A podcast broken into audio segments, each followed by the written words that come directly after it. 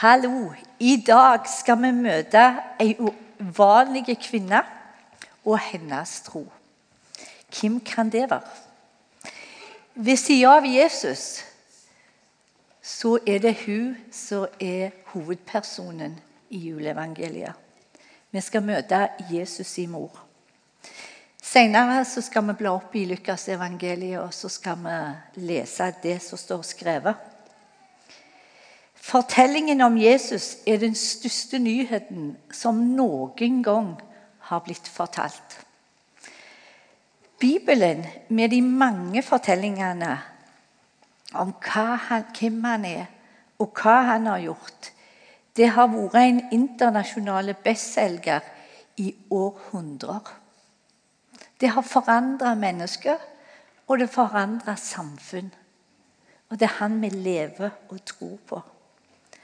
For en tid tilbake så leste jeg en bok av en svensk journalist som heter Ingela Ager. Hun døde i 2008. Samme år så ga hun ut boken 'Den største nyheten'. Hele livet jakta hun på de gode nyhetene som skulle virkelig gi hennes TV og radio til det beste. Og så skrev hun den boka 'Den største nyheten'. Men når hun var 50 år, så fikk hun kreft. Og etter så sykdommen skrev framover og hun var alvorlig syk, så eh, gikk hun til bokhylla si og så tok hun ut Bibelen. Og så begynte hun å lese om Jesus. Dag etter dag, natt etter natt, så leste hun om Jesus i evangeliefortellingene. Så sier hun det at eh, det skjedde noe, hun. For Jesus flytta bokstavelig inn i livet mitt. Jesus ble altså levende for henne. Ut fra ordet så ble han levende og flytta inn i livet.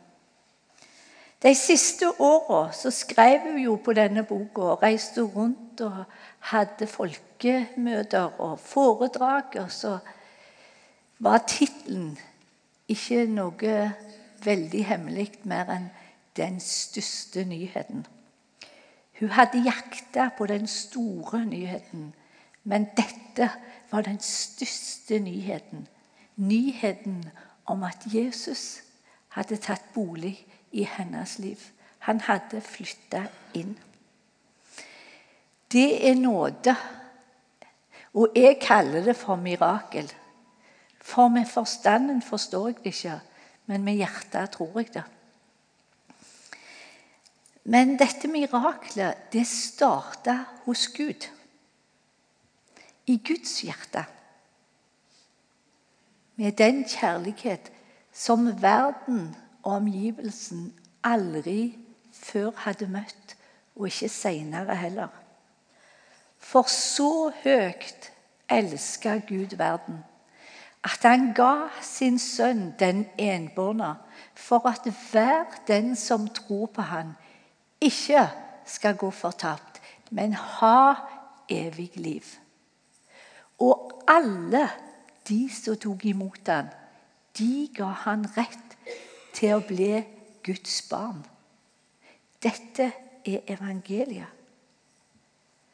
Nåde så stor. Og la oss høre fra Lukas 1. Men da Elisabeth var i sjette måned, ble engelen Gabriel sendt fra Gud til en by i Galilea som heter Nasaret, til en jomfru som var lovet bort til Josef, en mann av Davids ett. Jomfruens navn var Maria. Engelen kom inn til henne og sa, 'Vær hilset, du som har fått nåde. Herren er med deg.' Hun ble forskrekka over engelens ord og undra seg over hva denne hilsen skulle bety. Men engelen sa, 'Frykt ikke, Maria, for du har funnet nåde hos Gud.' Hør, du skal bli med barn, og du skal føde en sønn, og du skal gi ham navnet Jesus. Han skal være stor og kalles den høyeste sønn. Og Herren Gud skal gi hans far Davids trone. Han skal være konge over Jakobs hus til evig tid. Det skal ikke være ende på hans kongedømme. Maria sa til engelen, 'Hvordan skal dette kunne skje når jeg ikke har vært sammen med noen mann?' Engelen svarte, 'Den hellige ånd skal komme over deg.' 'Den høyestes kraft skal overskygge deg.' Derfor skal barnet bli født. Og hør, din slektning Elisabeth venter en sønn hun også, på sine gamle dager. Hun som de sa ikke kunne få barn, er allerede i sjette måned, for ingenting er umulig for Gud. Da sa Maria, Se, jeg er Herrens tjenestekvinne. La det skje med meg som du har sagt. Så forlot engelen henne. Maria har funnet nåde hos Gud. Herren er med deg.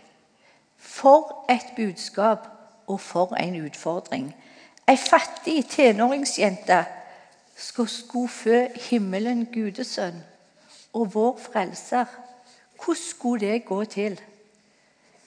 Legg merke til han sier 'Den hellige ånd skal komme over deg', og 'den høyestes kraft skal overskygge deg' og du skal føde himmelens kongesønn.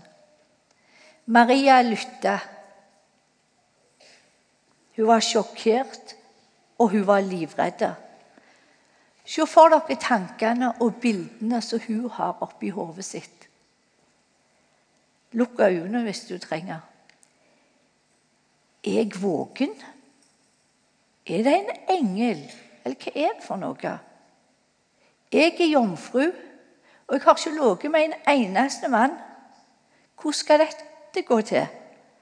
Hva vil Josef si? Vil han gå ifra meg? Kan jeg makte dette uvirkelige? Hvordan skal dette forandre mitt liv? Og hvordan vil det se ut når jeg vokser, magen vokser?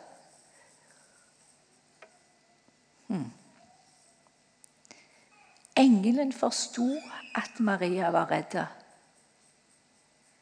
Engelen forsto det. Ikke vær redd, Maria, sa han. For hun var jo gyselig redd. Men Maria lot ikke frykten overta. Hun trodde på Gud, og hun vågte å stole på han. Hør når Gud bruker mennesker, når skal, han skal utgi sin kjærlighet gjennom meg og gjennom deg, så berører han andre med sin kjærlighet. Han bruker mennesker. Han brukte Maria. Han bruker meg og deg. Ufattelig, spør du meg, men det er likevel sant. Gud spør ikke etter det perfekte men etter de som vil være med han og gå der han vil gå. Selv om de ikke forstår rekkevidden eller konsekvensen. Men Jesus spør aldri om din kompetanse. Han vet hvem han sjøl er. Tenk på det. Han spør aldri etter kompetansen din for han vet hvem han sjøl er. Amen. Hørte jeg det? Hans spørsmål er alltid om du vil være med han på det han skal gjøre.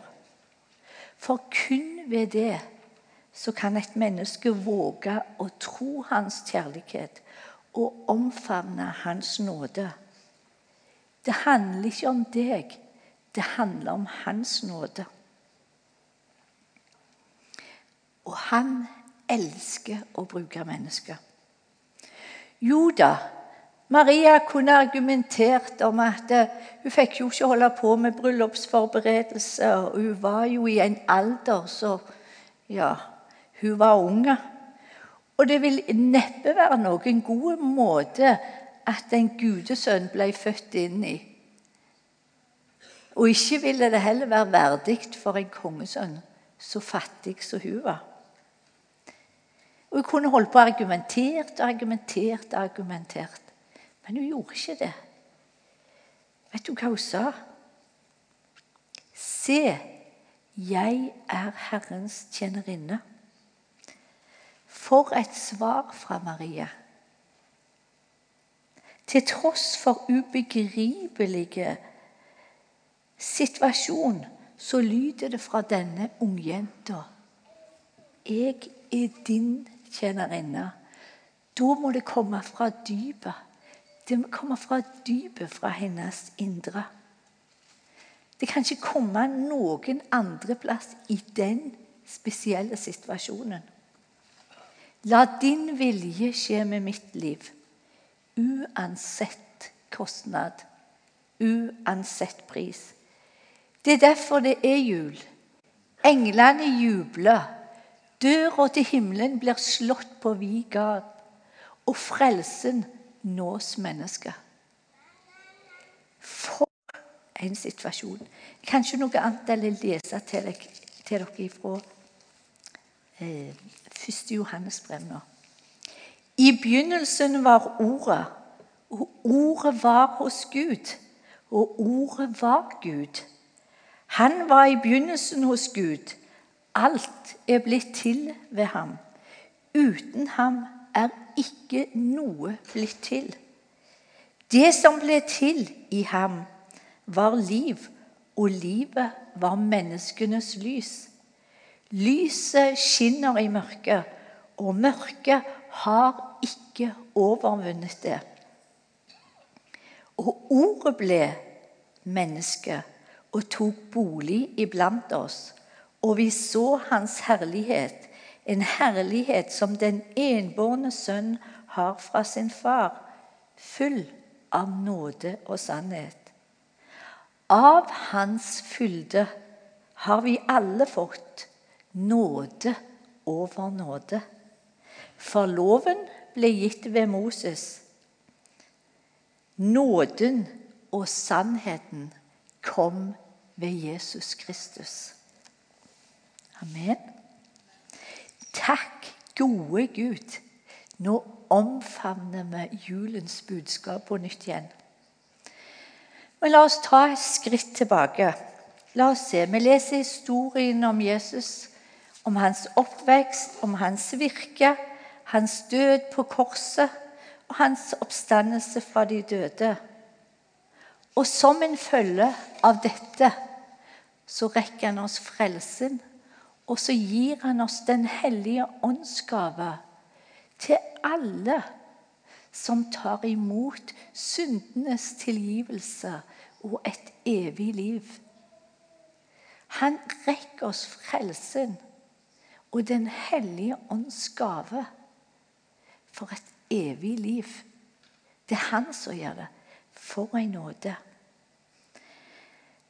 Du blir også den allmektiges medarbeider for å bringe evangeliet til hvert eneste menneske som ennå ikke har hørt om Jesus.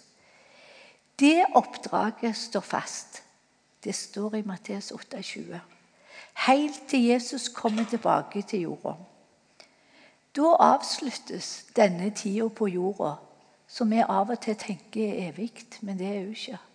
Da avsluttes hun og vi skal få lov å være sammen med Gud i all evighet. Back to basic. Det var der det starta, før mennesket ødela det. Men på grunn av Han og Hans nåde, og at vi tar imot, og at vi bringer det ut, så skal vi få lov å leve livet i evigheten sammen med Han. Dette vil jeg, gode venner i Imi kirke.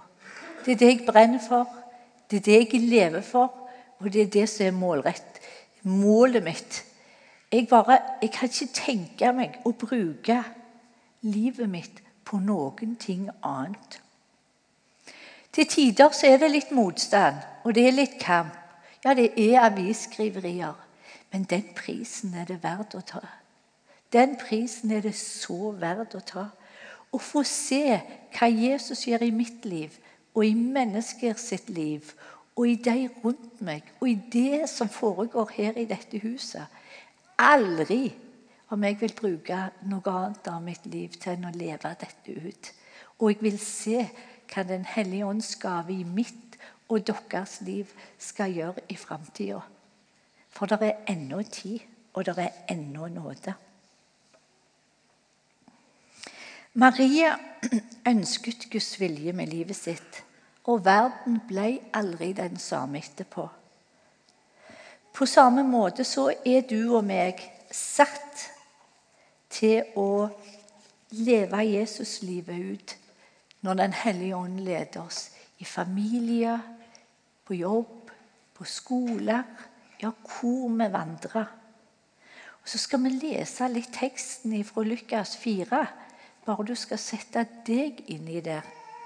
Hør. Herrens ånd er over meg. Ta det til deg.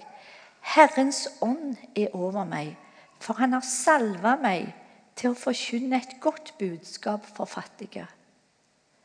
Han har sendt meg for å rope ut at fanger skal få frihet, og blinde få syn igjen. For å sette undertrykte fri og rope ut et nådens år fra Herren. Vanvittig! Helledosen! Er dere med? Eller snakker jeg så trolig at dere får ikke med meg det? Det er han, det handler om han. og så Vi skal få bringe dette ut. Vet du hva, Det er så stort for meg at jeg sprikker mest der inne, så jeg glemmer ut å lese på teksten min. Men det er så fantastisk. Det handler om hva han vil gjøre gjennom oss.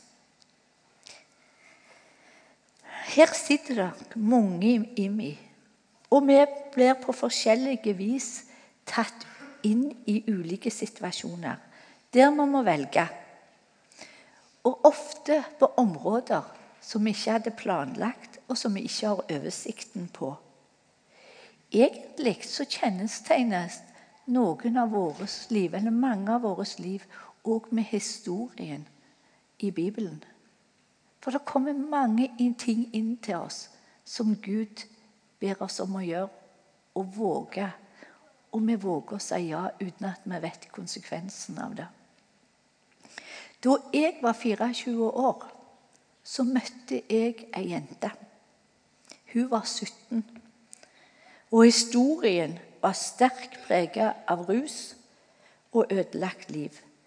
Hun var ei nydelig jente, men hun hadde svarte øyne. Hun hadde opplevd at personer i livet hennes hadde ødelagt svikta henne fundamentalt og utnytta henne grovt. Bokstavelig talt så hadde de gitt henne død istedenfor liv. Frykt istedenfor fred. Tvil istedenfor tro. Da jeg møtte henne på gata, så hørte jeg Jesus sa til meg hun skal bli en stor del av ditt liv. Og det ble hun. Jeg, jeg, hadde absolutt ingen forutsetninger for å møte Inger på hennes ulike behov. Naivt lød det fra noen. Du har ikke kompetanse til å gå inn i det, var det andre som sa. Og det var helt sant. Men Jesus hadde både kompetansen, kjærligheten og nåden. Og han visste hva som lå foran oss. Nettopp med det som utgangspunkt for min vandring med Inger. Og takk og lov for at jeg ikke visste hva som skulle komme. Hadde jeg hatt tro på om jeg hadde visst det på forhånd at det kunne bety noe inn i hennes liv. Men jeg trodde på Gud. både for meg sjøl og for denne jenta. Og han ga visdom i bøttetall. Jeg pleier å si det til henne av og til. Jeg trenger ikke ta psykiatrisk utdannelse, for du har lært meg det. Så det at noen av mine venner så er der, der sier jeg jeg har lært i livet. Men Det er nok ikke helt sant, men jeg lærte mye. Men han ga visdom, han ga kjærlighet og nåde for tiår med utfordringer. Men i den tida så opplevde jeg hvordan Den hellige ånd ga meg bilder av Inger. Sånn som Gud så på henne. Ikke sånn som mennesker rundt henne så på henne, eller omstendighetene eller mine jordiske øyne. Men Guds øyne var spigra i mitt indre. Pluss at han ga meg tanker om hvordan framtida hennes skulle se ut. Og det bar igjennom. Men vi vurderer ikke menneskene ut fra omstendighetene, men ut fra Guds hjerte og fra Guds bilde. I dag er denne dama 54 år. Et mirakel. Mange av hennes venner har dødd langs veien. Sjøl er hun i dag ei oppreist kvinne i møte med livet. Fri fra fortidens smerte, skam og fordømmelse. Og nå med et brennende ønske om å leve for Jesus og med Jesus. Hun er ustoppelig i sin iver etter å hjelpe andre for at Guds godhet skal bli tilgjengelig. Det er fantastisk. Det er fantastisk for meg.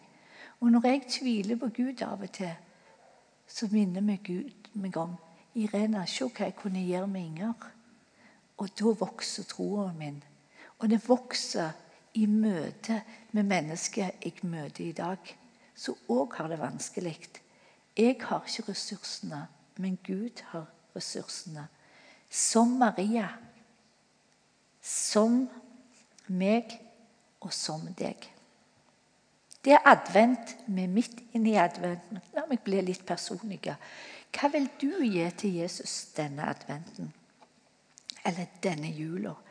Det er jo hans fødselsdag. Kan jeg få komme med et forslag? Vil dere høre på mitt forslag? Gi et menneske som trenger en himmelsk åpenbaring av Guds kjærlighet. Et møte med Jesus Kristus. Slik at de får se at de er elsket som meg og deg. Og det kan være et løfte du kan våge å gi, at du vil våge å lytte når Den hellige ånd hvisker til deg. For han hvisker av og til, men det høres tydelig ut når han ber deg om å gjøre noe som du ikke hadde tenkt på. Egentlig så er vel den største julegleden som du kan gi Jesus, det er deg sjøl. For bare når du gir deg sjøl, så klarer du å motta hans kjærlighet. Og det han vil gi deg, og det er hele han sjøl. Da kan du bare motta det. Og så vil han lede deg framover til at du skal få oppdage mer og mer og mer av den ufattelige nåden.